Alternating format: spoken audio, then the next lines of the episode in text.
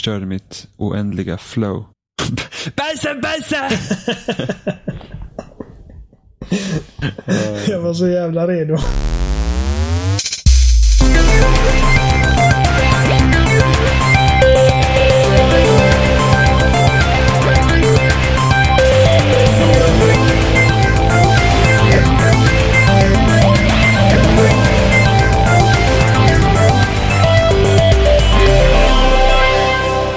Lyssnar på avsnitt 184 av Spelsnack och idag är det jag och Oliver. För att ingen annan är här. Var det glatt nog Oliver? Var det glatt nog? Det var lite bättre. Lite. Ja, bra. Mm, lite bättre. Bara för att låta så himla deprimerad när du gör en... Ja, men det är ju deprimerande. Ja, För det, ja, nu är så jävla... Jag är så grymt deprimerad. Nu börjar spelsnack igen. Fy fan. Nej, men det är bara att tänka sig att det är bara, det här är en dag i mängden Oliver. Det blir inte bättre än så här. Du måste, du måste sälja in den här podcasten. Den är Tänk om det här är typ det första avsnittet som någon ny lyssnare lyssnar på. Och han bara, fy fan, han låter som att han bara vill ta livet av sig. Han gillar Ja. inte att göra det här alls. Dra åt helvete, snorunge, skulle jag säga då. Ja, det är bra första intryck. Jag vet. Men det är så här, stannar man vid det här då så är man ju, då är man ju inne. Mm. Det är Ja, liksom, ja. man får göra det svårt först. För att då får man bara, man får bara de riktiga fansen. Så det är sådana du vet, ni är sådana, jag bryr mig inte för vi har 5000 eller två lyssnare. Bara Eller de bryr sig. Absolut. Och gillar min självföraktande ton. Något åt det hållet ja. Okej. Var det Johan Det- och Robin? Jag vet inte. Det är, Nej, så du, jäkligt, du bara, det är dags att spela in podcast och de svarar inte ens.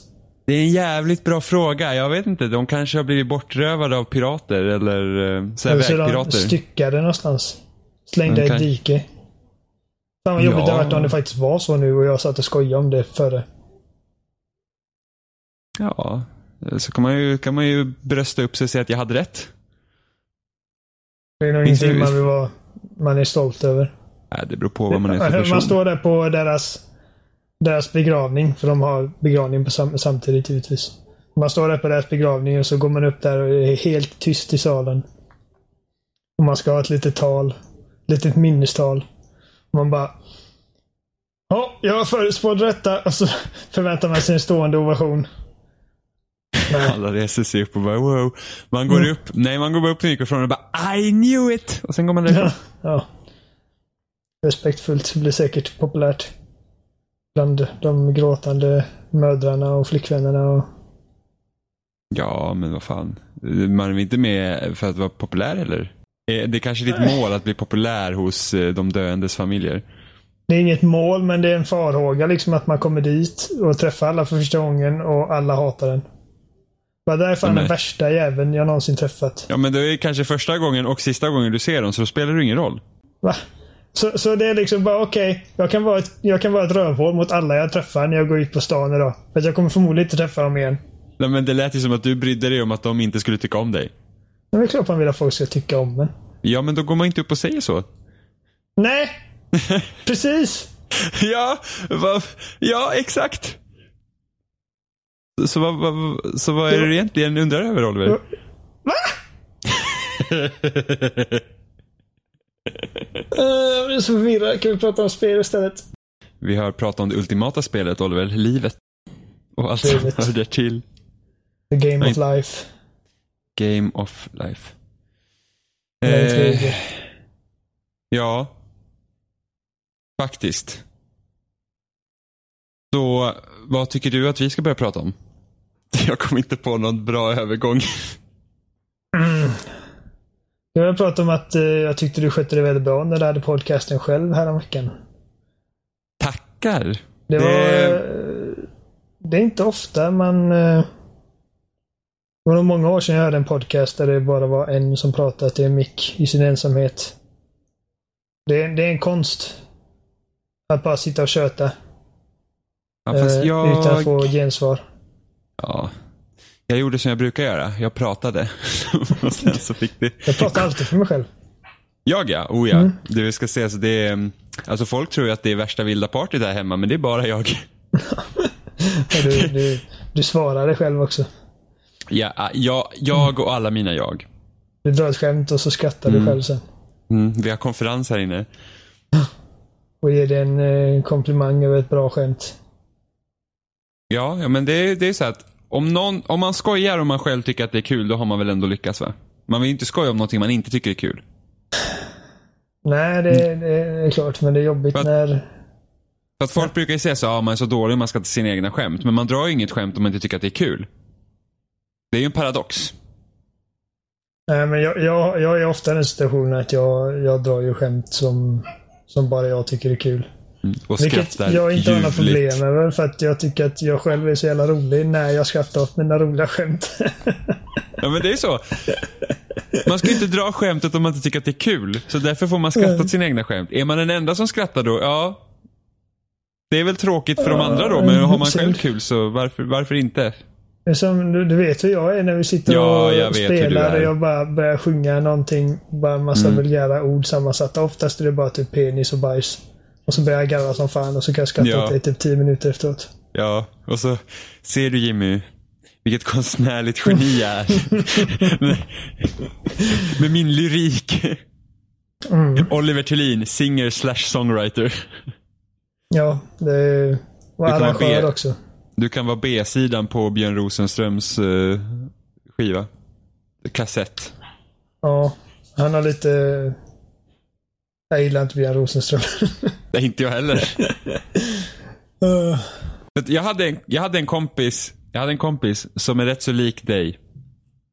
Jag har Ja, pratat jag om honom förut. om Ja, men- precis, som är, som är lik dig. Och han lyssnade ju, alltså det finns ju faktiskt band som bara sjunger snusk. alltså, Och det lyssnade han på. jag, jag är inte unik på den punkten. då. Nej, men det säger ni är väldigt lika. Jag vet ju inte hur han är idag. Jag har inte sett honom på jättemånga år, men det... det Han var också en imbecill. Ja, Ja. ja. ex, exakt Oliver. Look like an imbecile. ja. Så jag vi säga kan... ordet imbecil utan att tänka på eh, hon eh, Margot Robbie, Wolf of Wall Street. Får, får man säga imbecill? Varför får man inte se det? Jag vet inte, men imbecill det är inte... Det är Jo, inte men- ett ord som man inte ska använda va? Nej, jag har aldrig talat om. Jag vet att man, man säger givetvis inte retard för att det är inte så snällt. Nej, precis. att det Men är ju liksom imbecill... på utvecklingsstörda människor. Men imbecil är väl inte kopplat till, till någon sjukdom. Det är bara liksom att åh jävlar vilken idiot du är. Ja. Nej, Jag- jag kan bara- bete mig som en imbecill. Jag, jag, bara, jag bara funderade, för jag, det är så sällan man använder ordet imbecill. Borde börja använda det oftare. Det är en jävla imbecill. Och så stirrar den andra tillbaks på med lite så här tomma, glansiga ögon. Och, för det förstår inte vad imbecill betyder. Därav imbecill. Imbecill är ett ålderdomligt uttryck som härstammar från latinets imbecillis som betyder okunnig. Ordet kan liknas vid begreppet vet inte vad det handlar om. Det används ibland för att beskriva personer med lågt IQ. Okej, där kom det. Och var tidigare WHOs eh, officiella beteckning för måttligt psykisk utvecklingsstörning. Okej, att det, det, kanske det, har en viss laddad det, är en, gr- det, är en, det är en gråzon här då, med imbecill alltså. Ja, se även dåre och idiot. Och dåre Ja. och idiot får man ju kalla folk. Får man säga dåre? För jag vet ju att, jag vet att i engelskan så är man i alla fall, eh, så har man börjat vara lite försiktig med att säga crazy till folk och använda ordet crazy. Jag tror att dåre... Det har ju säkert... Det är ju säkert sånt ord man använder för typ psykiska störningar och grejer. Folk på dårhuset. Eh, runt 50-talet och framåt. Eller framåt. Fram till 50-talet, jag vet inte. Eh, Mm. Men det har ju liksom blivit en annan grej med att man är mer... eh, Vi är mer eh, kunniga om sånt idag. Man säger ju inte dårhus nu längre. Eh, Så enda gången jag hör ordet dåre är typ när någon kör dåligt eller typ kör för snabbt på vägen. Vad det är jävla dåre. Ja, hur kommer det sig att dåre är förknippat till bilkörning? Jag vet inte. Kanske bara blivit så. Ja, men liksom just fartdåre. fartdåre. Ja, ja Mm. men om man inte säger dåre. Det, Ja.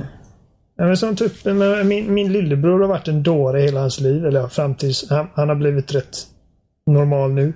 Men eh, han är i och för sig Normal. 26 i november. Men eh, när han var yngre så var han, han var en fartdåre. Han var en riktig jävla dåre. Han ställde sig på tågrälsen när tåget kom och fick bli räddad av främlingar. Och han eh, åkte skateboard eh, hållandes i ett rep som satt fast i en moped. Och ramlade och slog i ansiktet och såg ut som Two-Face i Batman. Han klättrade upp i träd och ramlade ner på berget och han körde moppe utan hjälm och han gjorde volter och han...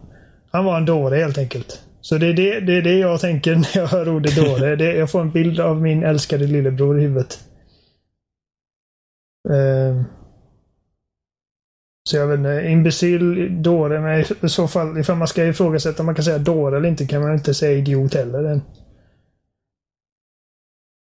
Får bara säga Nej. snälla ord. En bra dåre. Eller något, jag vet inte. En bra dåre. Han är en dåre med ett hjärta av guld. Väldigt Eh, eh, fin bild här på Wikipedias dåre-sida. En kille Oj. som sitter fastkedjad och i princip näck och ser lite handikappad ut. The Okej. Maniac av Charles Bell 1806. Jaha, är det ett, eh, ett gammalt foto? Nej, den är ritad, den är tecknad. Jaha. Ja, ja, nog om det. På tal om dårskap. Jaha. Uh, Half-Life 3 kommer aldrig släppas. Tror du det? Jag tror att det, nu, nu, när, nu när manusförfattaren, han, han hoppade av 2015 och sånt där från Valve. Har jag för mig. Eh, jag kommer inte ihåg vad han heter nu, men han har i alla fall skrivit berättelsen. Mark Laidlaw. Ja. Och eh, han har ju gått ut och han har i princip läckt ut eller postat manuset för Half-Life 3 som det var tänkt att sluta. Ja. Vilket jag känner, det måste ändå vara någon sorts finito. Över att vi någonsin får se det igen. Däremot, jag kommer inte läsa det. Om ifall att de får tummen ur över någon gång och det faktiskt kommer. För då vill jag inte ha läst det manuset. ja. Men det kommer inte vara det manuset. Nej, men... Jag vet inte, det känns som att jag jinxar det ifall jag läser det. En mental Ja, jag- grej. Jag läste det. Mm. Och jag vill väldigt gärna spela det spelet. Så det är jäkligt tråkigt faktiskt. Att, att, att inte Valve har lyckats göra liksom ett... Lyckats och lyckats. Jag får 3. ändå känslan av att de inte riktigt verkligen försökt. Som att det aldrig varit i liksom produktion ordentligt. Utan att det har bara Ja, varit fast- här, typ på idéstadiet. Ja, men vad är då anledningen till att de inte har fört det vidare? Det, det måste ju ha varit problem. Jag tror det handlar mycket om att de känner att de inte behöver. Ja, men jag tror du De verkligen att det var så för... Bara, Ja, men, ja, nu ja. ja. Men inte, inte, när det, inte när det ska börja utvecklas. Tänk att Half-Life 2, Episod 2 kom ut 2007. Mm. Då var ju inte Steam lika stort som det är idag. Tio år sedan. Så att, så att det är liksom inte... Valve kanske inte har behövt ha Half-Life sedan 2010 kanske. Har känt liksom att nu... För att jag tror att det har varit tyst om spelet sedan 2012. Eller Jo, 2012 men var sen absolut sista 2007 har gången. ändå andra grejer släppts. Man hade ju... De har ju släppt... Uh, det som har haft eh, många fingrar i Counter-Strike Global Offensive sen dess. Och de har gjort Portal 2 och de... Dota 2 är väl också Valve va? Ja. Så de har ju haft grejer eh, sen dess. Det är inte så att de inte släppt ett enda spel sedan 2007. Så att eh, jag tror helt enkelt att de har liksom, när, när de släppte Episod 2 så har de liksom lagt det på hyllan lite och sagt att vi återkommer till det när vi har gjort lite andra grejer. Och de har men- givetvis haft mycket concept art och storyn var uppenbarligen färdigskriven. Ursäkta mina hundar ifall ni hör dem, de skäller. Eh, och eh, som sagt, storyn var uppenbarligen färdigskriven och eh, de har säkert haft så här prototyper och grejer, men jag liksom... Jag har svårt att tro att det finns en snudd på färdig spelbar, eller ens halvfärdig spelbar version av Half-Life 3 någonstans. Nej, jag tror inte jag heller. Jag tror det liksom hållit sig på liksom väldigt så här hypotetiska stadier. Ja, men frågan är vad anledningen till varför de inte har gått vidare med dem. Det är det som är intressant. Det är någon, något problem har de ju stött på som har gjort att det här liksom inte är värt Jag tror att inte det handlar upp. om... eh, Det handlar nog inte enbart på deras liksom ekonomiska eh, oberoende som de har just nu. Även om jag tror att det är en av de största anledningarna. Jag tror en av de största anledningarna till att de inte tar på sig ett sånt sorts projekt är för att de inte behöver det just nu. Men så kan det inte ha sett ut då. Jag vet inte, det kanske har dröjt ett tag och sen så liksom har de tänkt att men alltså, vi kommer aldrig kunna infria de förväntningar som finns nu. Ja, jo men så, så kan det absolut vara nu. Men jag tänker liksom just då när Episod 2 har släppts ut och sen så har jag, antar jag liksom att Episod 3 har gått in i någon När. Episod 7 skeppades så tror jag, jag är helt säker på att de hade liksom att de hade intentioner på att faktiskt göra nästa del.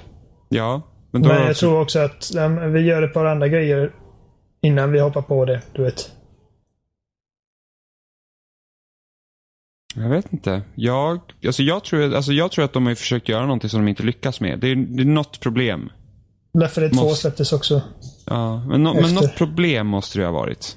Det är liksom så att det här är inte värt att följa upp och sen så ju längre tid det går ju svårare blir det då att försöka göra någonting för att just det som du säger att förväntningarna blir så höga.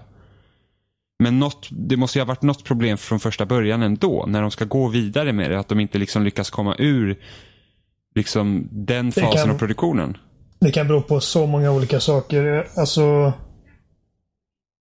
eh, Det kan handla om att de hade en viss spelmässig hook som de hade föreställt sig för spelet som sen inte riktigt fungerade i praktiken.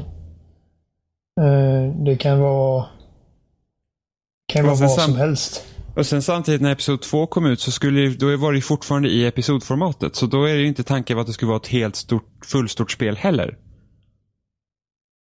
För att eh, Episod Mm. 1 och 2 har ju ingen spelmässig hook som skiljer sig från Half-Life 2. Nej.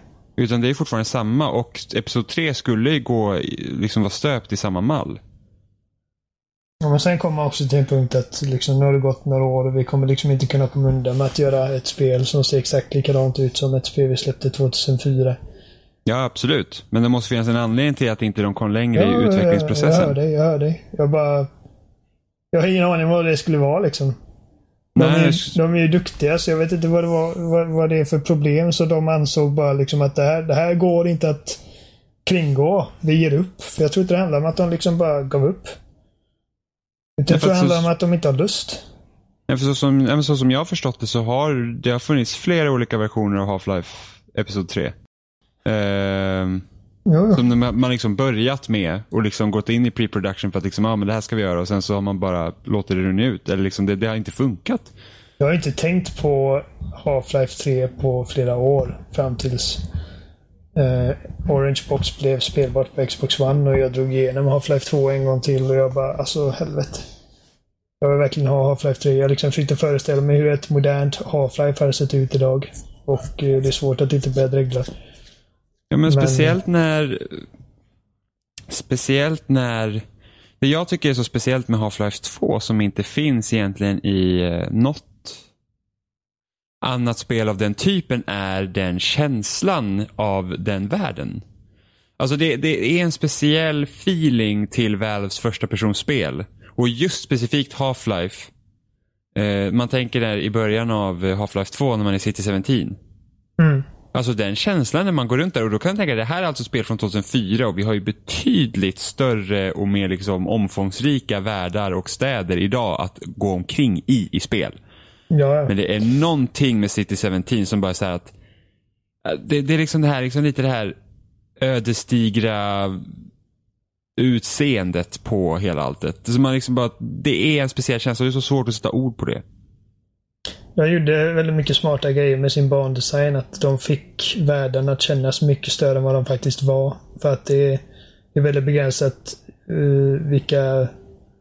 Alltså hur du kan röra dig. Du kan liksom inte ta vilka vägar som helst till ditt mål. Utan du har ju liksom... Det är, det är ju i princip stora korridorer. Du rör dig genom, hel, genom hela spelet i princip. Mm. Eh, där du inte kan gå vilse. Eh, och genom att ha spelaren på en förutbestämd väg utan att få spelaren känna sig som att han liksom slussas i en viss riktning. Så kan man lägga in mindre uppseendeväckande grejer men ändå viktiga detaljer eh, i skriptet. Att man liksom när man går förbi de här människorna som står utanför sin dörr och liksom bara försöker och tjuvkika på vad combine-soldaterna gör. De bara ah, det här är typ tredje gången i veckan de tar någon från det här kvarteret, bla bla. Och man liksom... Det känns levande på ett sätt. Eh, som var ganska ovanligt vid den tidpunkten. Och sen också att det gör mycket att man aldrig någonsin lämnar Gordons perspektiv. De tar aldrig kontrollen ur händerna på dig. Du är alltid liksom... Från det, från det att du trycker på start tills eftertexterna rullar så är det du som styr. Och eh, mot slutet och liksom det finns liksom inga, du hoppar aldrig fram någonstans. Att du är på en plats och sen på nästa bana är du på en helt annan plats.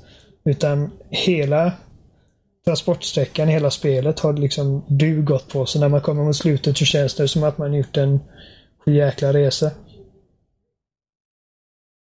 Ja, den aspekten tror jag är viktig. I alla fall den är viktig för mig när jag spelar. Mm. Att känna att du har varit med om en resa. Mm. Jag tror att det är stor del därför jag tycker om spel. Och Det är många spel som, speciellt open world-spel nu för tiden, misslyckas med den eh, aspekten. Just den, eh, det här med att man tar sig från punkt A till B. Mm. är otroligt viktigt för mig. Eh, och därför till exempel gillar jag eh, JRPG. Ja. det är ofta, speciellt de klassiska liksom, är fantasyinriktade. För du är alltså, du börjar i en, du, du är någon eh, karaktär och så börjar du i någon by och sen så har du, får du veta att du är något speciell. Du har liksom, sen får du ett mål och då ska du ge dig ut på den här resan. då. Eh, att det börjar liksom ganska smått och sen går ut stort. Och mm. Många open world-spel idag misslyckas med det. För att, ja men typ, ja men ta Horizon som exempel. Alltså, en sak som gjorde mig peppad på det spelet var kartan när man såg den innan. För det var liksom, du hade sandstället och det var snö och liksom, det fanns olika geografiska områden på det. Och då tänkte man, ah, och då började man liksom lite fantisera själv att ah, man får börja här och sen så får man gå liksom igenom kartan systematiskt. Men det var bara att Horizon öppnade upp sig ganska fort så att man liksom, du är lite här, du är lite där och du är lite där. Så att man liksom du får röra dig under området ganska långt. Liksom. Det känns aldrig som att du stannar kvar på en plats särskilt länge. Utan du, liksom, du kommer hit så kanske gör något uppdrag här och gör du inte sidouppdrag så kommer du ganska snabbt till nästa eh, del. Så det känns inte riktigt som att du får stanna och ta in eh, särskilt mycket av platserna. Nej. Eh, ta till exempel Red Dead Redemption eller, liksom, eller Rockstar-spel överlag. Eh, för liksom Red Dead Redemption, du börjar liksom på någon eh, gård. Liksom. Och så får du vara där ett tag. Och så gör man uppdrag där. Man, man liksom börjar känna igen marken runt omkring. Och sen förflyttar man sig liksom till nästa ställe. Och sen till nästa ställe. Och sen så kom du till Mexiko och sen tillbaka. För det, är liksom, hela den, det känns som du verkligen har gjort den här resan sen. Ja, och det, det är eh. någonting som Rockstar gör som väldigt få andra gör idag. Att de liksom, de låter inte... De tillåter inte tillgång till hela spelets värld redan från början. Uh, utan när det kommer till Mexiko det. i spelet. Jo, och där så... I det fallet så lyckades de eh, kopiera den känslan genom att aldrig ge dig anledning att röra dig bort från eh, liksom downtown Los Angeles eller Los Santos. Medan när du tar över som Trevor sen så är du plötsligt ute på landsbygden och det är som ett helt nytt spel. Uh, jag känner att sånt är viktigt för det, det har ju liksom Assassin's Creed inte lyckats med sen tvåan. För där, där börjar man i Florens och sen så kommer man till eh, Venedig och så vidare. Och det, är liksom, det, det ger känslan av att okej, okay, jag har inte sett allt än. Du vet, det, det kommer med överraskningar. Ja, man får eh. stanna kvar på platserna länge. Så man får lära känna mm. dem. De bara susar inte förbi. Däremot i nyare Assassin's Creed-spel så det första jag gör varenda gång är att innan jag ens gör, gör några uppdrag överhuvudtaget så går jag bara runt och tar alla utkikstorn och då har jag sett allt vad spelet kan erbjuda. På ett par timmar. Uh, mm. Och det kanske är liksom en grej jag får skylla mig själv för, för att det är jag som aktivt letar upp alla de här utkikstornen. Men de är ju utplacerade på kartan med en gång. Uh, och lockar dit dig. Och uh, jag tycker sån design är rätt tråkig. Ja, och det är något som faktiskt Assassin's Creed har misslyckats med sen Ezio-trilogin. Det är det att etablera städerna som någonting som, mm. som, som du, liksom, du som spelare får ingen koppling till de platserna tycker jag. Nej. Eh, Ezio har det lite förspänt med tanke på att just att eh, Assassin's Creed 2 etablerar honom som karaktär och med de här olika ställena och sen så har ju både eh, Brotherhood och Revelations har ju sin specifika del. Alltså du har Rom i Brotherhood och sen så fick du ju eh, var det Konstantinopel? Ja. Ja. Eh. Så det blir liksom, det blir bara en förlängning av tvåan egentligen. Du känner redan Ezio och du känner liksom till honom så du har redan en koppling till den karaktären. Så sen när du då får två nya städer i Brotherhood Revelations då, då har du liksom, du har redan den här connectionen med karaktären. Eh, och Men- då tror jag också att det är lättare för dig att ta till dig de här nya ställena. Där känner man ju att man hade gjort en resa när man var klar med Revelations. För man har ju fått följa den här människan från det att han var en liten pojkspoling tills han dör. Ja. Eh, Jag, eh, och särskilt om vi återgår till Half-Life 2 och den genren så är just liksom First Person Shooter-genren med linjär struktur och grejer så är det extremt ovanligt att man får den eh, röda tråden. Att man känner liksom att man har varit med hela vägen. För att se typ som i Call of Duty eller även Halo. Så varje ny bana är liksom ett, ett nytt ställe. Och karaktärerna förflyttar sig mellan de här platserna i mellansekvenser.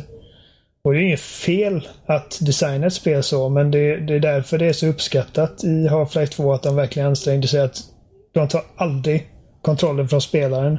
Du gör hela resan helt själv. Mm.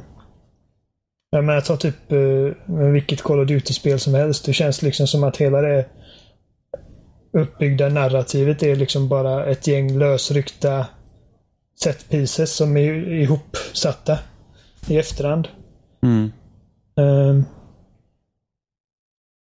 så jag menar, jag, jag läser, just nu läser jag boken uh, Metro 2033. Uh, för att jag gillade spelen väldigt mycket, både första spelet och Last Light. Eh, och där tar de ju aldrig bort, de, de lämnar ju aldrig huvudpersonens perspektiv. Eh, och man hoppar aldrig fram i tiden eller någonting utan man är med honom från det att han lämnar sin hemstation där nere i tunnel, tunnelbanorna till slutet. Eh, och nu har jag inte läst klart den helt och hållet men jag, jag är väldigt nära slutet och jag känner liksom att det, man tänker tillbaka på allting som har hänt och alla händelser som har satt honom i den situationen han är just nu. Och Man får inte alls den känslan i spelet för att där är det liksom en uppdragsstruktur. Att du har ett gäng olika situationer som sen är ihoptryckta till liksom ett väv så att säga. Och man får aldrig den känslan att uh, man har varit med på hela resan. Ja, därför hade ju typ, alltså Metro hade ju fungerat i, ett, i en mer typ open world-struktur på grund av det. Mm. Typ. Eller Metroidvania-struktur, liksom att man, typ som i Alien Isolation exempelvis. Där rörde du dig själv från uh, mellan olika platser med hjälp av hissar och grejer. Även Dead Space. Mm. Uh, och... Uh, jo, så att jag, jag hade inte velat att Metro skulle vara liksom ett traditionellt open world-spel där du bara okej, okay, nu droppar vi den här världen så går du och hämtar alla de här utkikstornen Nej, och nej, utan mer- alla kistor och grejer. Utan, Typ Tomb Raider kanske till och med. ja, lite mer. Ja, precis. Eh, Tomb Raider är ett annat Ja, exempel på. e- eller bara säga Half-Life. Alltså Ja. loss, kör en röd tråd bara. Ja, alltså, men exakt. Det, det är Det är banor men liksom, jämförelse. ja men där banan liksom, här, här tar den här banan slut och nästa bana tar vid exakt vid slutet liksom. Så att man får Mm. gå den här röda tråden. Det hade ju också fungerat. Det, det, hade ju, det hade ju varit en ganska bra tolkning av egentligen boken också. Liksom för att Ja, en bok är precis. ju en röd tråd du läser. Eh, faktiskt. Nej men inte ens de spelen som liksom inspireras av Half-Life har ju liksom lyckats. Liksom Jag kommer ihåg att eh, känslan. när Metro utannonserades så var det väldigt mycket, men det är typ, det påminner om Half-Life på många sätt. Eh, och även Dishonored utannonserades var det om det är gamla Half-Life-personer. Ja, det är han som har designat, han som designade jag kommer inte ihåg vad eh, stan hette i första Dishonored, men han, det är ju samma person som designade City 17. Dunwall. Dunwall, precis. Mm. Men det, är- det är ändå, men alltså, samtidigt så Dishonored är en helt annan typ av spel. Liksom det, Ja. det är mer som typ Thief. Eh, och, och, och, och de, liksom Deus Ex, den typen av genre. Så att det, inte heller där, alltså jag fick inte samma liksom feeling till Dunwall som jag fick till City 17. Nej, nej, aldrig. Eh, det är liksom inte, det är inte samma närvaro. Alltså det känns inte som att man liksom lever sig in i den världen. Nej. Jag gjorde ett Eh, bättre jobb i tvåan för mig personligen. ja, jag har inte spelat tvåan än. Ja, för där Eh. är liksom din, mellan uppdragen är du på en båt. Och sen så varje uppdrag är att du går land någonstans. Och så kan du i vissa fall titta bakom dig. Eller när du är på båten exempelvis så kan du se i horisonten så ser du staden som du precis har varit i. Så det känns liksom som att du är en del av världen på ett annat sätt. Last of Us är annars ett sånt spel som är, liksom, också har en bra struktur på Oj. att det känns som att du har gjort en resa. Trots att Ja. de hoppar över stora delar. Liksom De hoppar- tidsmässigt. Ja, precis. Eh, Ja, så känns det ändå liksom, det är så att varje alltså man spelar ifrån, eh, vad är det? Man gör det Eh, väldigt snyggt å andra sidan. Man Eh, spelar från höst till sommar, visst är det så? Eller Nej, det från, börjar på sommaren. och slutar på våren. Eh, ja, i princip. Alltså, ja, någonting sånt där. Men i alla fall där, varje säsong är ju liksom en egen ark. Mm. Eh, så att det funkar. Och sen om man tänker då typ semi-open world-struktur då, där det också känns som en resa. Så Witcher 3 lånar ju lite från Witcher 3 är ju inte helt open world med tanke på att det är de här tre stora områdena man har. Eh, så, Nej, alltså det, det är ju det är designat som en öppen värld givetvis. ja, jo men det är inte Men en helt... du, du alltså, kan inte gå till alla ställen redan från början. nej, Eh, nej, och sen Ungefär du som kan i ju inte, GTA. nej, och sen du kan ju inte gå, alltså du kan inte åka en båt till eh, Nordiska öarna heller utan du måste ju sitta i en landningsskärm för att byta karta. Ja. Eh, och det liknar lite så här JRPG-modellen blandat med en open world eh, system. Så där har de faktiskt lyckats också att, att det känns som en jäkla resa eh, i Mm. Witcher 3. Trots Ja, att du liksom får gå definitivt. tillbaka till de gamla eh, ställena och sen så får du ju faktiskt leva dig in i liksom, de specifika platserna. De swishar inte bara förbi utan händelserna utspelar sig i städerna på liksom riktigt. Eh, och sen har vi, vad var det nu jag tänkte på? Det var något spel jag tänkte på också som gjorde det bra. Final Fantasy 15. Nej. Det, det, det är där Final Fantasy 15 har ju förlorat det. Det var något spel jag tänkte på. Som är rätt så linjärt. Som också gör det där rätt så bra. Åh gud, jag kommer inte ihåg längre. Ja, jag kommer säkert på det om en stund. Men uh, Tomb Raider som du sa är ett exempel på ett linjärt som ändå... ja, ja, jag vet, men det var inte Tomb Raider jag tänkte på. Nej, Det var ett jättebra exempel. det var ju synd. Åh, vad irriterande. Jag känner att det är så nära på att jag kommer på det också. Ska se. Bloodborne. Ja, just det. Ja, ja, ja. Absolut. Och Bloodborne går ju liksom, där går ju från start till slut liksom i ett svep. Ja, med Eh. ja, väldigt få undantag. Det är vissa ställen du måste teleportera dig till för att komma. Jo, precis, Typ men du kan Nightmare liksom- of Mensis och... Ja, men liksom stora hela så det är liksom där, det känns ändå Men då är det också att du faktiskt går igenom en portal. Det är inte det att eh, spelet bara åh, efter tio dagar av vandring så hamnar du här. Ja, precis. Eh, då kan man också jämföra med Bethesdas eh, Elder Scrolls och eh, och Fallout. Fallout. Där man också egentligen swishar förbi eh, ganska många ställen för att eh, det är oftast att questen tar dig liksom från ena änden till kartan till den andra ganska tidigt. Och sen så håller man på så hela tiden. Utan där stannar man inte heller riktigt kvar förutom när man gör guild-questen. Mm. Eh, vilket jag också tycker är lite tråkigt. Jag tycker verkligen om när jag får typ rota mig ner någonstans och sen så får man vara där ett tag och sen så kommer man vidare. Witcher gjorde det så jävla bra.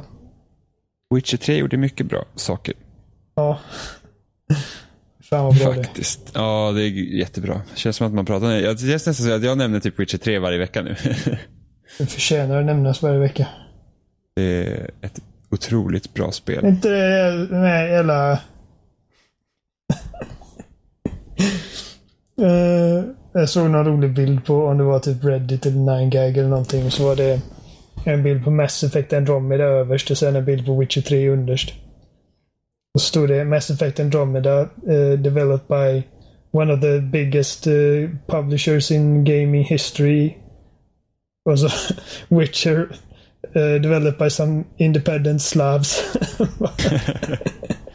Alltså där, där är ju också så att eh, är man så stor så är det ju också Det, det, det är ju inte bara... Det behöver inte vara ett, en positiv grej. Det var ju som jag... Det är, det är lite...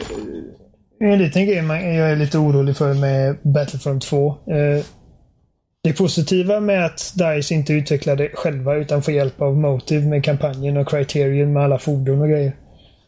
Är att DICE kan fokusera helt på vad de är bäst på. Eh, episka multiplayer-strider. Medan Motive, som, de har inte gjort någonting före detta. Så att det här blir liksom deras eldprov, om man säger. Vi hoppas att de har vad som krävs. Eh, så kan de fokusera på narrativ och en väl svarvad kampanj. Medan Criterion fixar rymdstrider och whatnot. Sen finns det detta då liksom att för många kockar eh, gör soppan sur. Det är... Risken är ju liksom sur att... soppa! Jag har aldrig hört det. Jag blir soppan sur. Sur, eh, jag menar inte liksom... Nu menar jag inte sur som i uh, surt godis utan sur som Nej, i jag, jag förstod att du menar sur som att den liksom har farit illa. Ja. Men, det, Ja. men ändå, så här, blir soppan sur? Ja. Jävla så här, Eh. vad, vad har du gjort soppa på? Ja, fotsvett. Citron. Jag tänker så här citron. svarta jävla strumpor, så lite hårbollar på dem, typ sitt Ja, kokar där på sidan. Gamla strumpor. Ja. jävla häxbrygd. Och eh, öronvax. Äh. Eh, nej, men alltså min farhågan där är ju då att eh, det att de här tre aspekterna känns som tre separata upplevelser. Liksom. Att de inte smälter samman ordentligt med varandra. Uh, och jag är, jag, är, jag är helt säker på att de jobbar jättenära varandra och de ska se till att liksom, men det, men det är svårt att Men har det någonsin blivit bra? Vadå, när, när flera När, utvecklare... när så många studios sitter och gör liksom en separat del till spelet, har det någonsin blivit bra? Jag, jag, vågar inte, jag vågar inte säga att det aldrig blir bra för jag, jag, jag känner inte till alla spel som har utvecklats av flera studier samtidigt någonsin. Däremot så finns det ju betydligt Det finns ju många exempel på när det inte lyckats. Som när eh, jag menar när, när Medal of Honor rebootades och Danger Close gjorde kampanjen och DICE gjorde eller åtminstone hjälpte till med uh, multiplayer-läget och det, det kändes som två helt olika spel. Och inget av dem kändes särskilt bra. Det, var liksom, det kändes inte som att det faktiskt har funnits folk som var passionerade över spelet de gjorde utan att det var någonting som EA hade bett dem att göra. Liksom. Vi, vi Mm. måste också ha modern militär shooter. Bla bla. Ehm, och jag menar Assassin's Creed-spelen utvecklas ofta av typ 10 studios över hela världen. Och, Ja, du ser ju det här. Ja, alltså, jag tänker sitta och säga att alla Assassin's Creed-spel suger baller, för det gör de inte. Men, eh, Per automatik gör de det. men det, det, liksom, det hjälper ju inte. Tio men alltså- spelstudios garanterar inte ett jättebra spel, helt enkelt. Nej, och sen så, alltså det Assassin's Creed-spelen egentligen saknar tycker jag är någon form av riktning. Mm, ja, det känns som att de, de inte riktigt vet hur de ska... Nej, speciellt med hela deras på och story. det. Är det som är så tråkigt. Det var liksom så här att det fanns en tydlig linje med Desmond. Mm.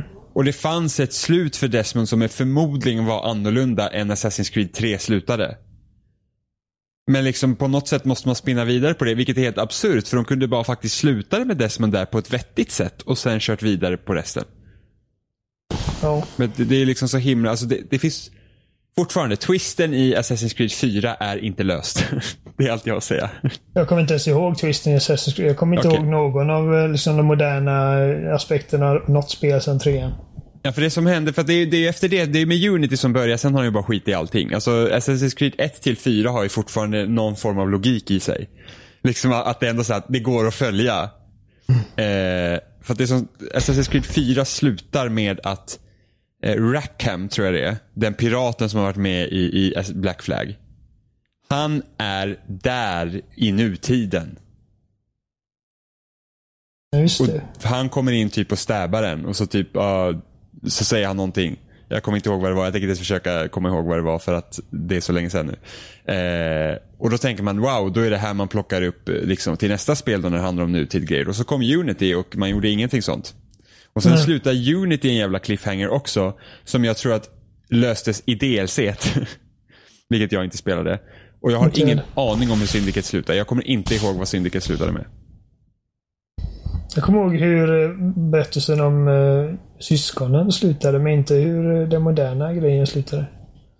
Jag kommer, jag, jag, Syndicate var helt okej, okay, men jag kommer inte ihåg någonting från det spelet. Nej, de smälter ihop lite spelen vid det här laget. Ja, och Unity kommer jag bara ihåg att han, eh, Arno eller vad han nu hette, var skittråkig. Ja, just det. Jag kommer inte ihåg hur något av det där slutade. Nej, han går ju ner till katakomberna där och så hittar de någonting och så slutar ju spelet och sen så tror jag DLC utspelar sig där. Nej men just det! Spelet börjar ju till och med med att man typ Det var som en eh, tillbakablick. Eh, så jätte, liksom ännu längre bak i tiden än vad faktiskt Assassin's Creed Unity utspelar sig. Och det löses, det löses aldrig upp i spelet utan det tog de upp i DLC sen och jag vet inte heller om det fick en lösning där.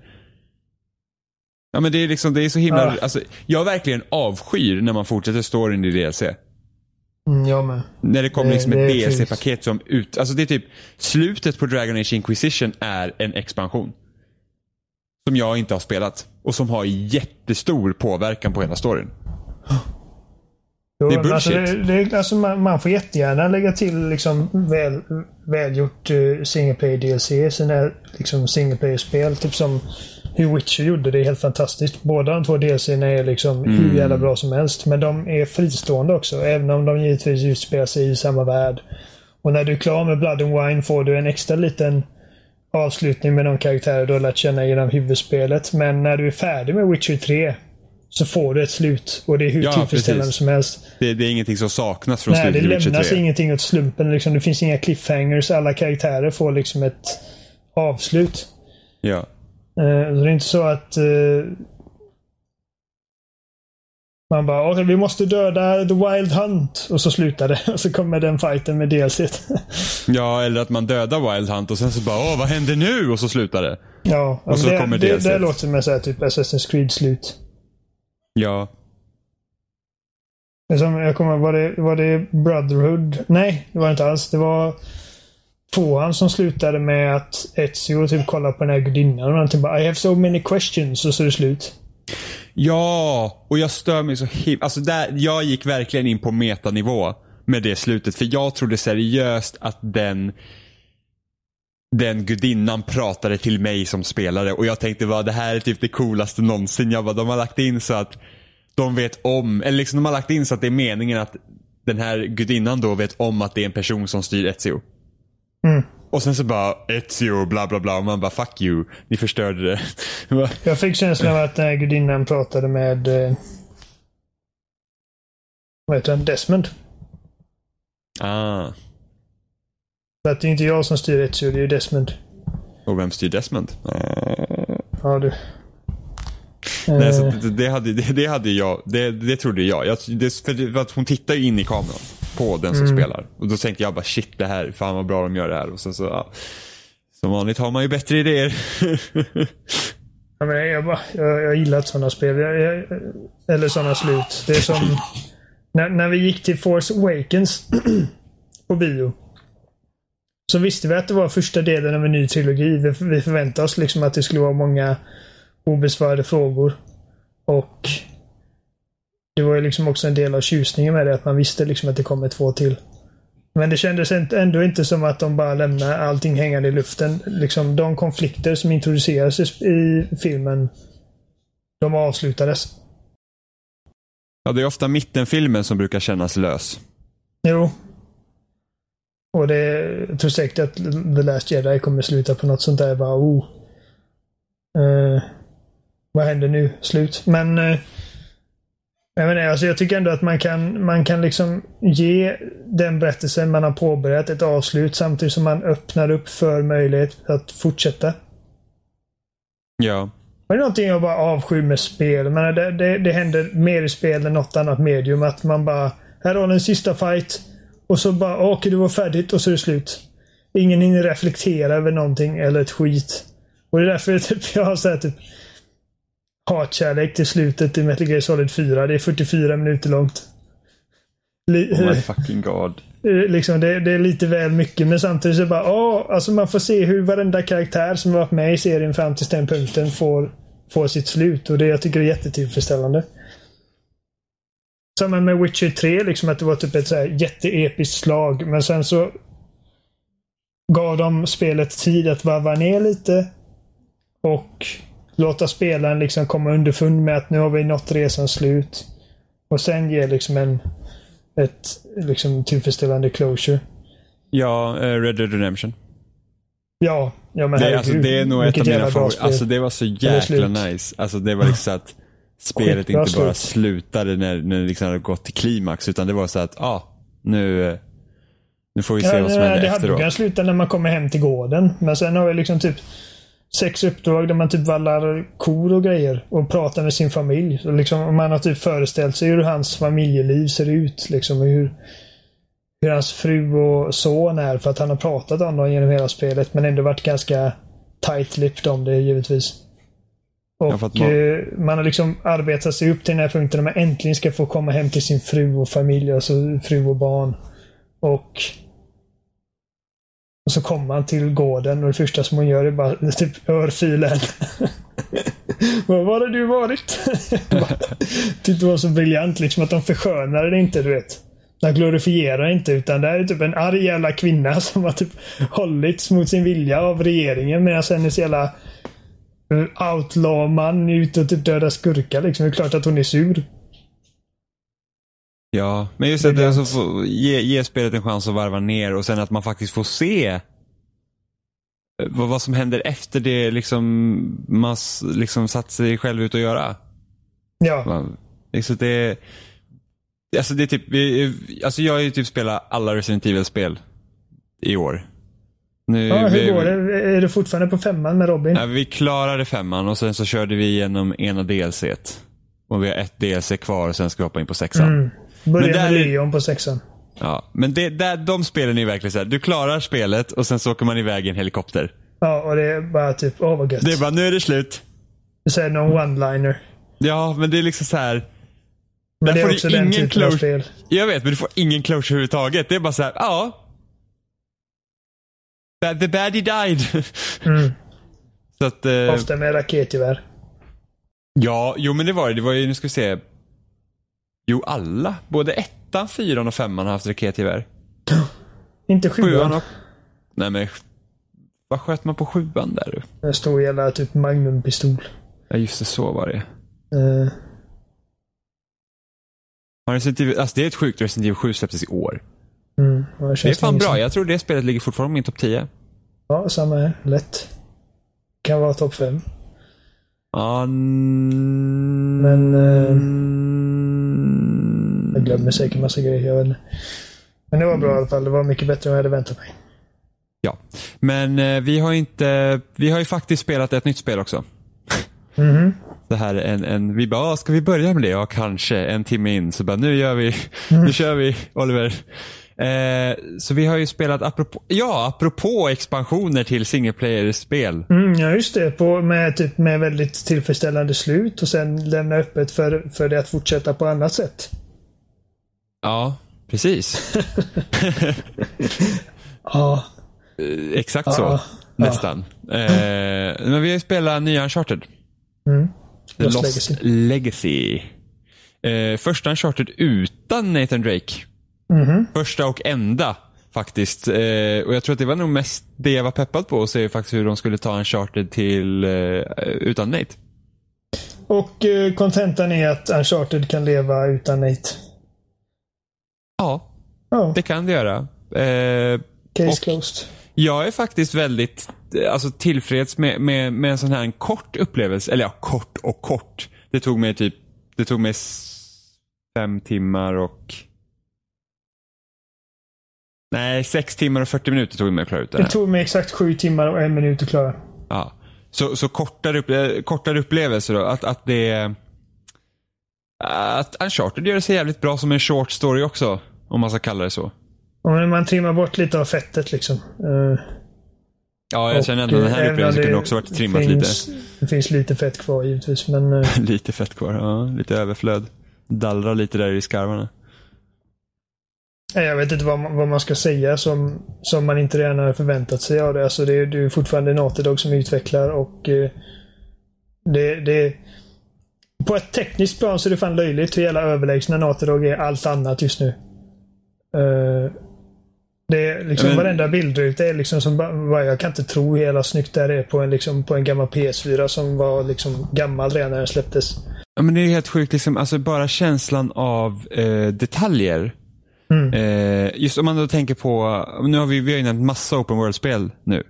Mm. Eh, och liksom, och, och ju, tekniken liksom har kommit framåt och, och liksom vi kan fylla de här öppna världarna med mycket, mycket mer. Men många gånger så är det inte intressant att gå och titta i dem. Liksom, mm. Även om du går liksom i en gränd någonstans liksom, i en open world-spel så är det inte jätteintressant liksom, att, att gå runt där och titta. Eh, och så tänker man då och även i linjära spel så kan det vara så att man inte liksom, liksom vill kolla i varje hörn och sådär. Eh, det Naughty Dog har gjort då, speciellt det första liksom området man är när man är i liksom en indisk stad. Det är så jäkla Alltså det är så jävla dens med detaljer att man liksom bara ville gå och titta över allting. Att man, man, du får den närvarokänslan. Att bara mm. vilja stå och titta. Eh, precis som typ, ja men det hade ju, Uncharted 4 hade ju det när man var i Nate och Elenas hem. Där känns det som att man ville ja, gå runt och titta över allt. Liksom, för det var så Jävlar vad grejer det fanns där. Ja, för ett, eh, och ett hem liksom säger väldigt mycket om personerna som bor där. Men liksom, här var det liksom bara i, i en liksom liten gränd. Och jag gick ju verkligen i varje hörn för att jag visste att jag kommer inte hitta någonting av värde här. Liksom, som jag kommer behöva ha i spelet. Men jag ville bara se hur allt såg ut. För det var bara så jäkla bra. och, och, och, och, men liksom, det gav en sån stor inlevelse. Alltså man fick sån närvarokänsla. Det var helt sjukt. Och det gäller även i, i djunglerna och grejer så är det ju så jävla tätt med grejer att det är nästan svårt att tyda. Liksom, kan jag åka där eller inte? Det ser väldigt gles eller väldigt tätbevuxet ut. Det är bara... Jag vet inte, alltså, det är så töntigt, löjligt, patetiskt snyggt att man undrar liksom ifall det är så att Natodog är dopade på något sätt och sitter på hemligheter som ingen annan har eller om resten av spelindustrin bara sitter på sina arslen. Vilket ja. jag vet att de inte gör givetvis men det är så... Men jämför bara hur Uncharted 4 och även Lost Legacy ser ut med Microsofts största spelserier som Halo 5 eller Gears of War 4. Det är som... Det är nästan en generations skillnad i grafik. Ja, jättestor skillnad. Det... Liksom Gears of War 4 har ju ingenting mot det här. Nej. Nej, alltså, Uncharted springer i cirklar kring Gears of War 4. Det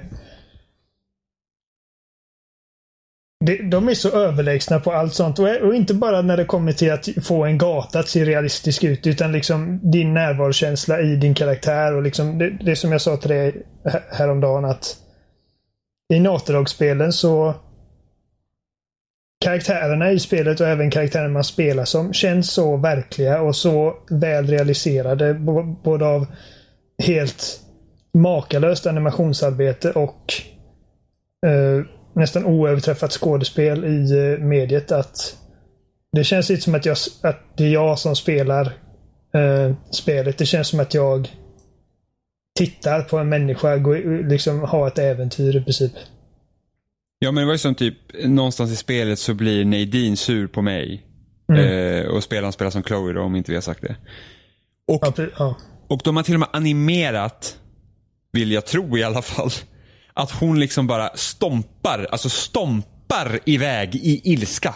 Alltså, hennes gåanimation ändras liksom ja, med hennes humör. Jag kunde se på henne att nu jävlar var hon sur på mig. För att oh, jävlar vad arg hon var när hon gick iväg. Jag var så uff, nu får man passa sig. Alltså det är liksom ja. bara den grejen. Och sen har ju alltid Naughty Dog sin vet, show-off-grej i början av spelet när de visar liksom sin nya då nästa teknik som de har hittat på. Den här gången var det tyg. Mm. Jäklar vad de zoomade in på det hela tyget och det klippte liksom inte igenom någon kroppsdel eller ingenting och det, det flöt inte sådär hemskt som det kan göra.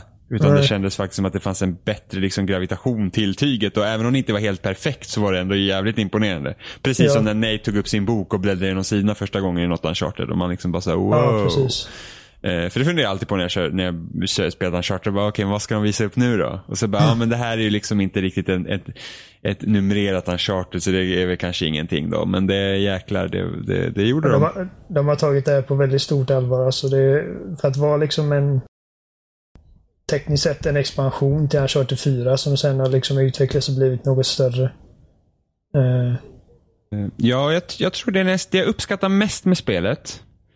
Uh, det är faktiskt att just Chloe och Nadine, två karaktärer vi känner igen och Chloe har vi såklart bättre uh, anknytning till på grund av att hon har varit med i fler spel. Ja, och större del av spelen också. Ja, men om man tänker på Uncharted så vi visste ju liksom att Sally och Nate de har liksom ett förflutet. Så de känner ju redan varandra. Chloe och Nadine känner inte varandra så de lär känna varandra under spelets gång. Ja, precis vilket jag tycker att, ja, vilket jag tycker att de har skött väldigt bra. Alltså det, det, är bara intressant att se hur deras vänskap liksom utvecklar sig och sen när liksom de blir eh, liksom närmare varandra och hur de ändrar språket med varandra. Till exempel mm. när du dör med Chloe i början av spelet så ropar bara Nadine på dig så här, Fraser, Fraser. Fraser. Men efter ett tag i spelet så nämner hon dig liksom Chloe. Då är det du Chloe för henne. Och då vet ja. man så att ah, men nu, nu, nu börjar det släppa lite. Liksom. Nu börjar de bli kompisar. Och det är en sån liksom, grej som de har varit, varit så medvetna om när de har skrivit och implementerat det. Ja, gud ja. Det är inte någonting som bara har råkat bli så utan det, det var väldigt eh, avsiktligt skulle jag säga. Liksom, just vid punkten då hon började använda förnamn istället för efternamn. Mm. Um, och det här är ju, alltså Nadine var inte med jättemycket i fyran och hon var på många sätt lite onödig för fyrans story egentligen. Ja, hon, hon var eh. mest en logisk anledning till att du ska ha skurkar att skjuta på genom hela spelet. Ja, och här, jag tycker att hon får riktigt, alltså hon får riktigt bra utrymme här. Ja, det får eh, Och jag tycker att, alltså jag hade inte tackat nej till fler sådana här små äventyr med Chloe och Nadine. Alltså för att jag tycker att jäklar vad bra det var. Alltså på den biten. Eh, hur de spelar av varandra. Så Nadine är ju liksom mer den här militärtypen. Att du, du går efter, du, du, du har en plan, du utför det. Liksom allt är planerat. Det, är liksom, det, det finns inga rum för att göra misstag. För att du har redan liksom, det här har du gått igenom i huvudet hur många gånger som helst. Så det är så här det kommer gå till. Medans Väldigt Chloe, professionell och medveten ja. om risker och eh, försiktig medans... Medan Chloe är såhär bara, äh, det, det ja. löser sig väl. Hon är det, lite det den här typ, du vet, fem fatal-arketypen. Liksom att hon... Eh, det är någon gång i spelet hon nämner liksom att det, jag, jag lärde mig väldigt tidigt att man ska få folk att tro att de får som de vill medan jag använder det till min fördel. Och Nadine är med bara, äh, jag föredrar inget bullshit, bara rakt på sak. Mm. uh, och de, de, är väldigt olika i liksom sin uh, i sin filosofi kring sådana här grejer och hur de vill göra saker. Och det, det blir liksom en clash där ganska tidigt i spelet. När Chloe i princip säger att antingen det här är mitt gig och, jag, och jag, du är min gäst, eh, gäst i princip. Så vi gör detta på mitt sätt, eller inte alls. Och Nadine får bita ihop och liksom vänja sig vid det. Och eh, efter varje konfrontation man har med fiender så brukar Nadine liksom kommentera bara ah, det där kunde du gjort bättre och du är inte klädd för, liksom, för att vara i djungeln och bla bla. uh, så att den, den dynamiken är jävligt kul att se och uh, i och med att vi, vi, liksom, vi fick inte så här, hon, hon fick ingen jättestor roll i Uncharted 4 som sagt och uh, det var därför lite svårt att liksom bli jätteupphetsad över tanken på att ha henne som en av de huvudsakliga karaktärerna i det här spelet. Men det funkade. Det funkar otroligt bra. Alltså den clashen av personligheter var verkligen så här, uh, det, det, var mycket bra komik i spelet om man säger mm. så på grund av det. Eh, och, och det, så... det, är kul för att det fungerar inte sömlöst hela tiden. Liksom, de kommer ha konflikter sinsemellan och eh, eh, det är också en liksom del av skönheten med det. Och sen eh, och sen tycker jag faktiskt det är väldigt trevligt liksom att de kör på temat vänskap också. För det är så sällan spel gör det.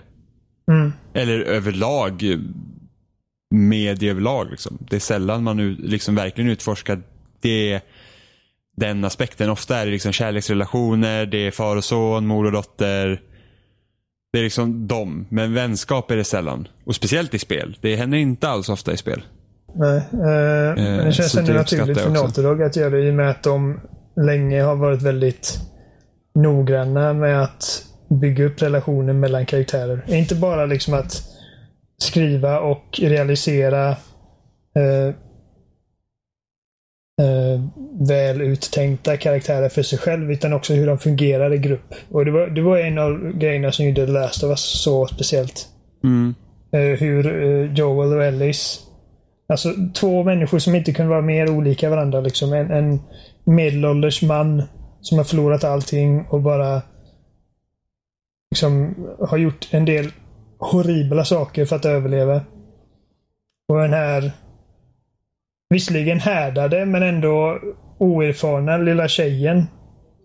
Lekfull och liksom skämtsam och och att se de två människorna ty sig till varandra och bilda ett band. Även om det inte riktigt kanske är liksom vänskap på samma sätt som det är i det här spelet givetvis.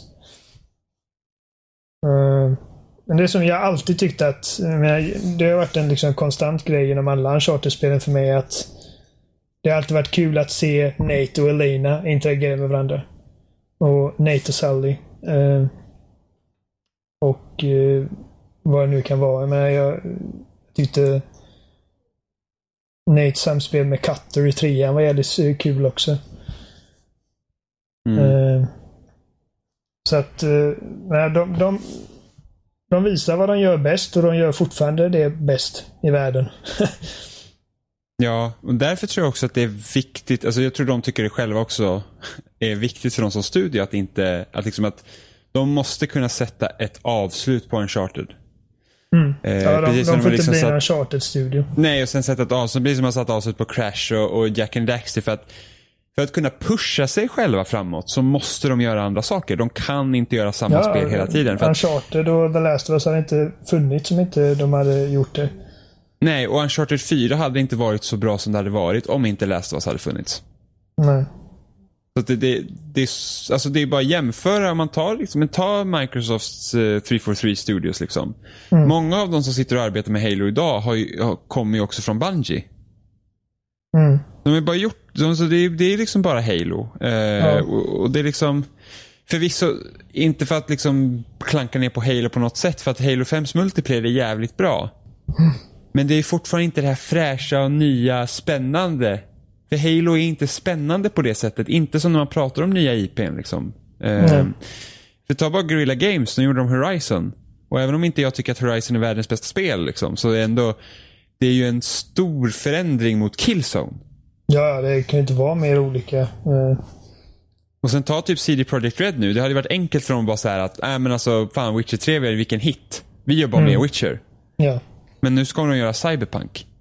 Eh, så det är, jag skulle nästan uppmuntra till att både 343 och sen nu The Coalition då skulle få göra andra spel än Gears och Halo. Det motsäger liksom lite deras, hela deras struktur. Jag vet, men deras struktur eh. är fel. It's wrong, it's bad and you should feel bad. Arbetar du på 343 så är det för att du vill arbeta på Halo liksom. Jo men det är liksom såhär, hej. Gör, nu, nu, nu får ni ta en paus från Halo. Nu får ni göra ett nytt IP åt oss. Gör vad ni vill. Vad skulle ni vilja göra? Och så får de göra det. The Coalition är helt nytt nu, så de kan väl göra Gears. Men det är bara att problemet är att alla gillar Gears 4 och Gears 4 är typ det sämsta Gears. Mm. Så det är synd. Men de flesta tyckte att Halo 5s kampanj inte var bra. Så förhoppningsvis så får vi en bra Halo 6-kampanj. Ja, de är medvetna om det. Uh... Ja, men det är bara så här, det, va, va? De gör Halo 4 som var skitbra kampanjmässigt då. Mm. Till Halo 5. Alla håller inte med dig, men jag håller med dig. Ja, men folk har fel som inte håller med mig. Det är bara så. Jag, jag, det, det är typ, om jag ser någon, det här är lite löjligt, men det får vara löjligt. Om jag ser någon typ, och det här gäller både GS4 och Halo 5, om jag ser någon skriva att skitbra kampanj GS4, skitbra kampanj på Halo 5, då blir jag så här. Det är ditt fel att det är fel på saker i världen och att kattungar dör. Det är folk bara, skitbra jobbat Trump. ja, men det, ja, ja, men det är verkligen bara så här, ja. Uh, men jag kan också känna så ibland. Jag blir, jag blir irriterad när folk klankar ner på Crisis 2 bara för att jag gillar det. Uh, jo, men Crisis är dött och begraven Oliver, så du behöver inte vara ledsen liksom över att... men jag blir irriterad. Jo, men du behöver inte vara ledsen över att nästa spel kommer suga pung. Nej, ja, men jag förstår vad du menar och jag, jag respekterar det som fan med NATO att de inte blir bekväma. Liksom, att de de uh, sitter inte på sina arslen och liksom känner att okej, okay, men det här är min lott i livet. Jag ska göra Crash Bandicoot resten av livet. Utan de sa, de gjorde tre spel och de liksom gjorde vad de kunde med den genren. Och bara okej, okay, nu har vi gjort vad vi kunnat här. Vi vill utforska nya slätter och det var så Jack and Daxter föddes. Och han gjorde tre sådana spel. Uh, nu glömde jag i ett racingspel med Crash där, men skitsamma. Uh, Enda Crash-spelet jag spelat. Crash Tag Team Racing. uh, Finlandsbåten. Fattigmans Mario Kart. Uh, ja, Finlandsbåten. Anno 98 kanske? ja, är nice. Och så eh, efter tre Jack-spel så bara, nej men nu vill vi ta nästa steg och då så Uncharted föddes och efter tre Uncharted-spel sa de att nu måste vi göra någonting annat. De pratade mycket om att liksom uh, vi har så duktigt folk på vår studio så vi måste hålla den stimulerade kreativ för att de inte ska lämna oss för att de headhuntas hela tiden. Uh, och, och jag, jag, jag respekterar också Sony något enormt för att de låter dem ta dessa risker. För att det är ju risker. Mm. Det var en risk för dem att låta dem göra, att lämna liksom, nu lämnar de inte Uncharted helt, men att liksom låta dem fokusera på att göra ett nytt typ med The Last of Us. Och Mm. att de hade tilliten att det här kommer bli någonting som folk kommer vilja spela. Och det kommer bli bra. Och, och de försedde dem med medlen de behövde för att kunna göra det spelet liksom utan att behöva kompromissa.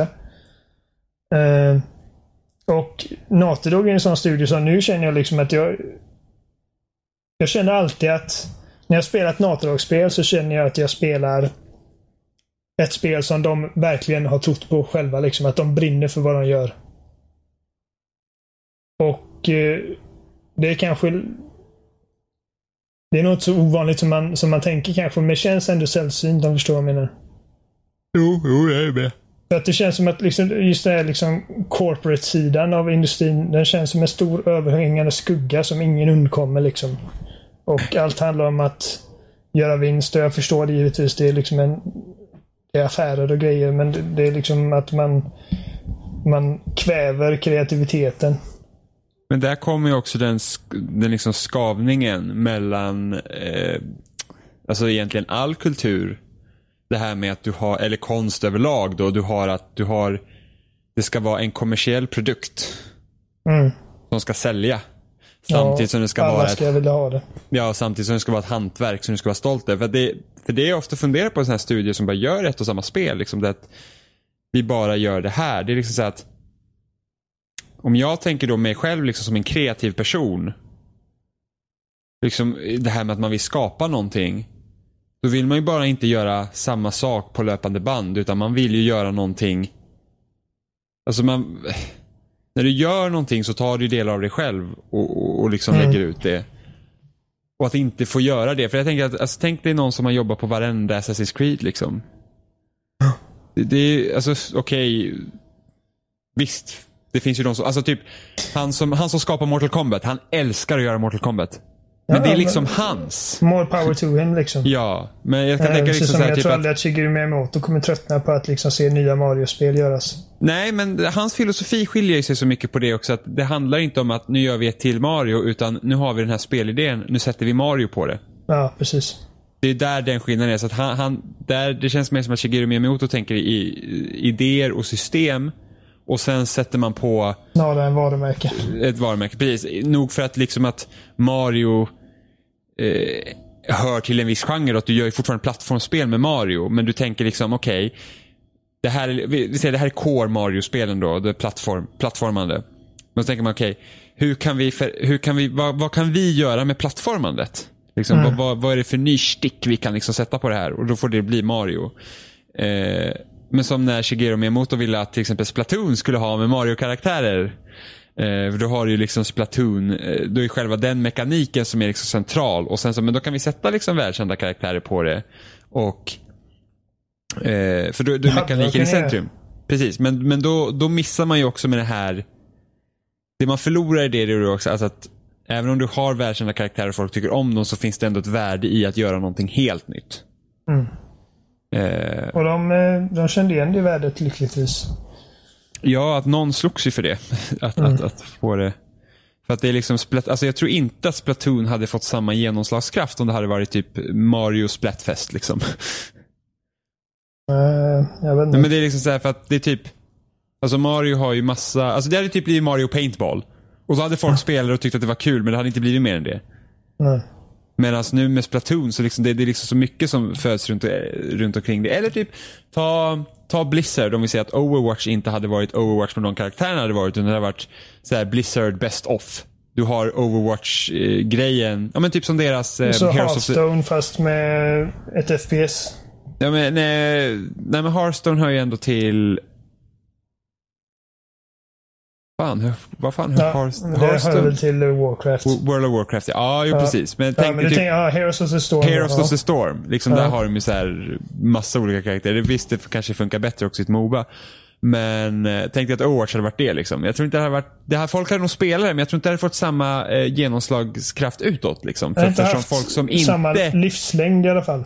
Men, men så folk som inte bryr sig liksom om Blizzard-karaktärer hade kanske inte fångat upp Overwatch. Medan jag tror att många, många personer som kanske traditionellt inte spelar liksom FPS eller, eller liksom den typen av spel har ändå börjat spela Overwatch för det är så tilltalande på det planet också. Att det finns så många olika karaktärer, det är nytt och spännande.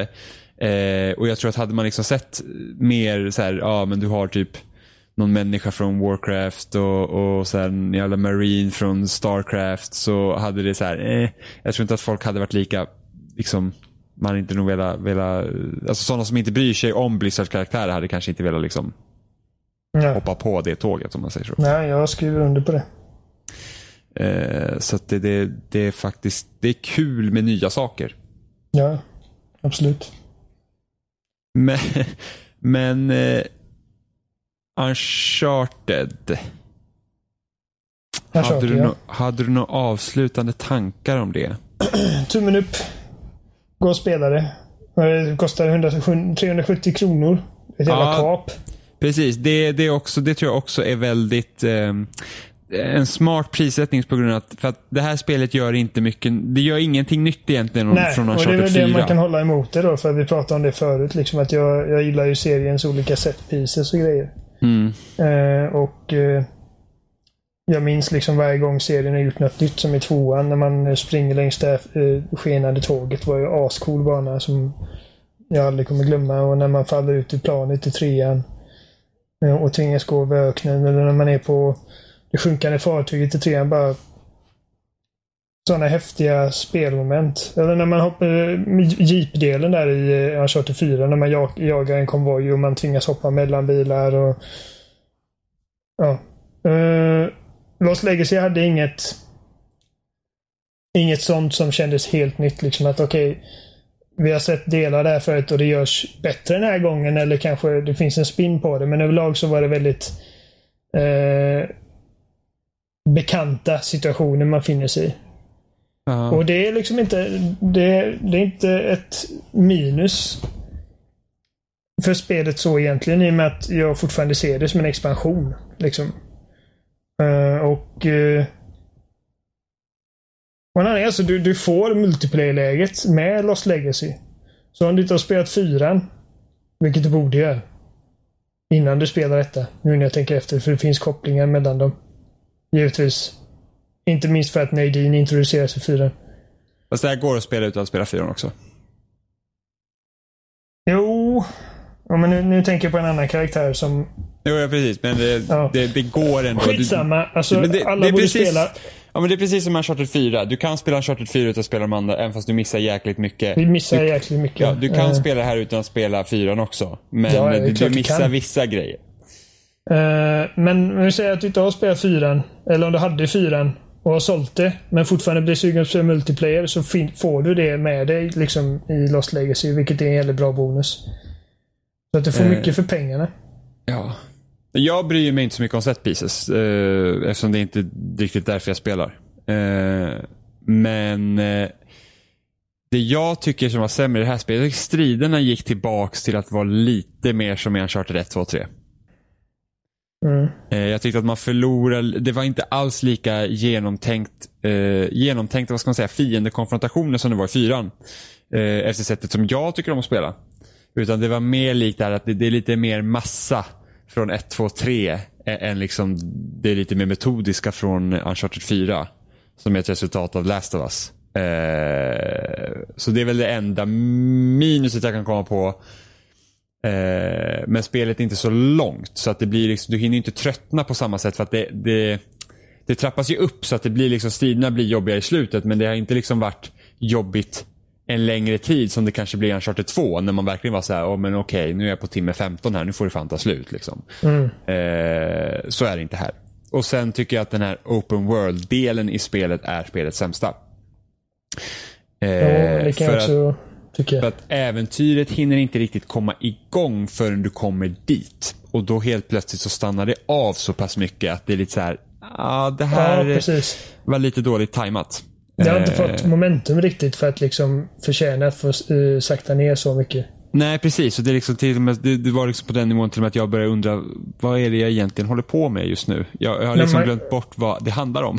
När man kom till motsvarigheten eh, Madagaskar i fyran så hade spelet hållit på i några timmar. Och eh, det har varit väldigt eh, raskt tempo precis innan. Ja, och då Och var det kändes det plötsligt skön. skönt liksom. Eh, med ett, ett, sidospår där man bara kunde köra runt och utforska. Eh, Ja. så, att, så jag håller med. När man, när man bara kör runt med bil, eh, jeepen och letar efter grejer så det kunde bli lite tradigt. Så att jag tycker att andra halvan är bättre än den första. Ja, och sen så, alltså spelets skurk känns smått onödig till och med.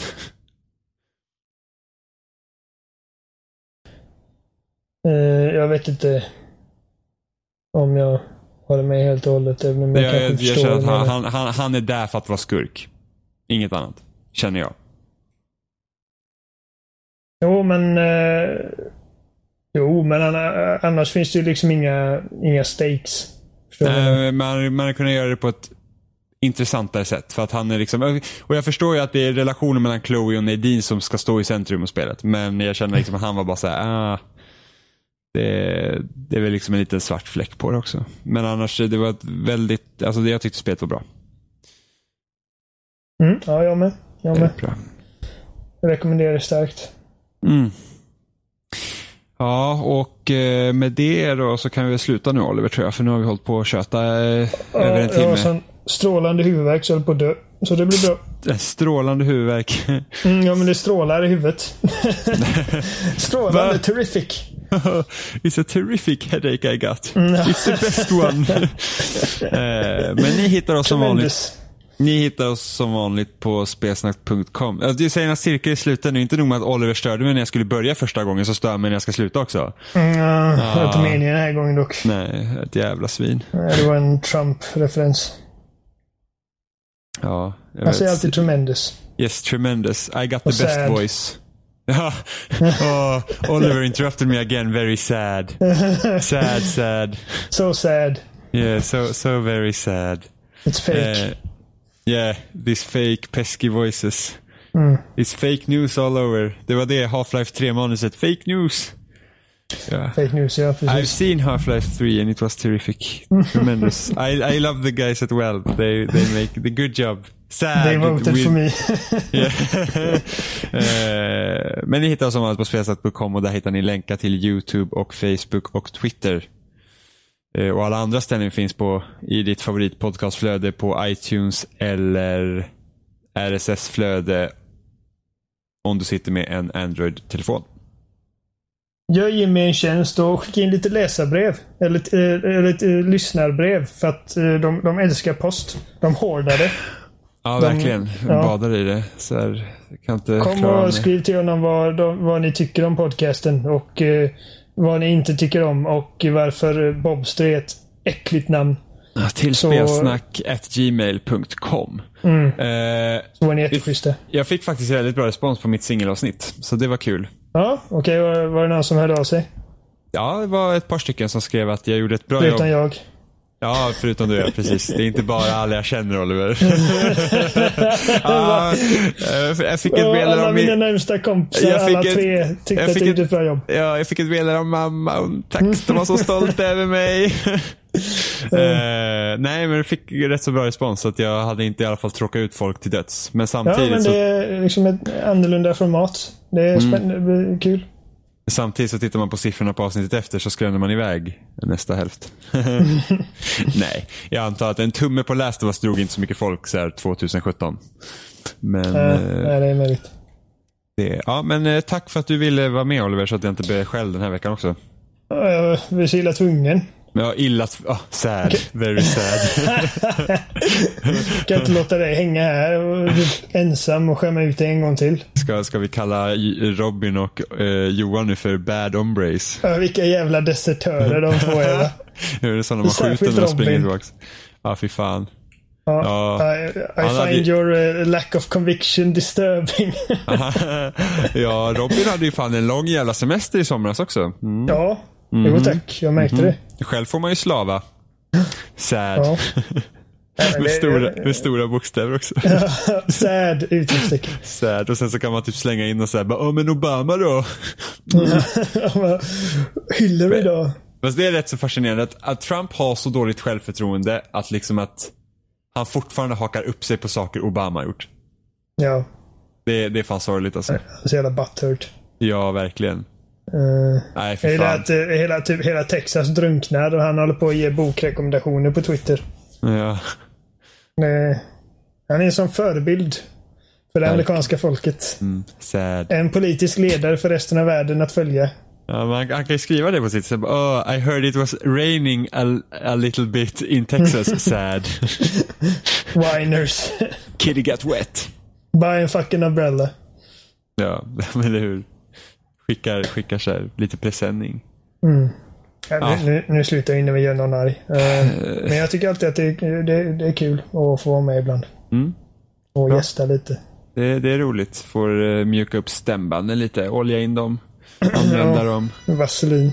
Va vaselin i halsen. Ja. ja, men tack Oliver.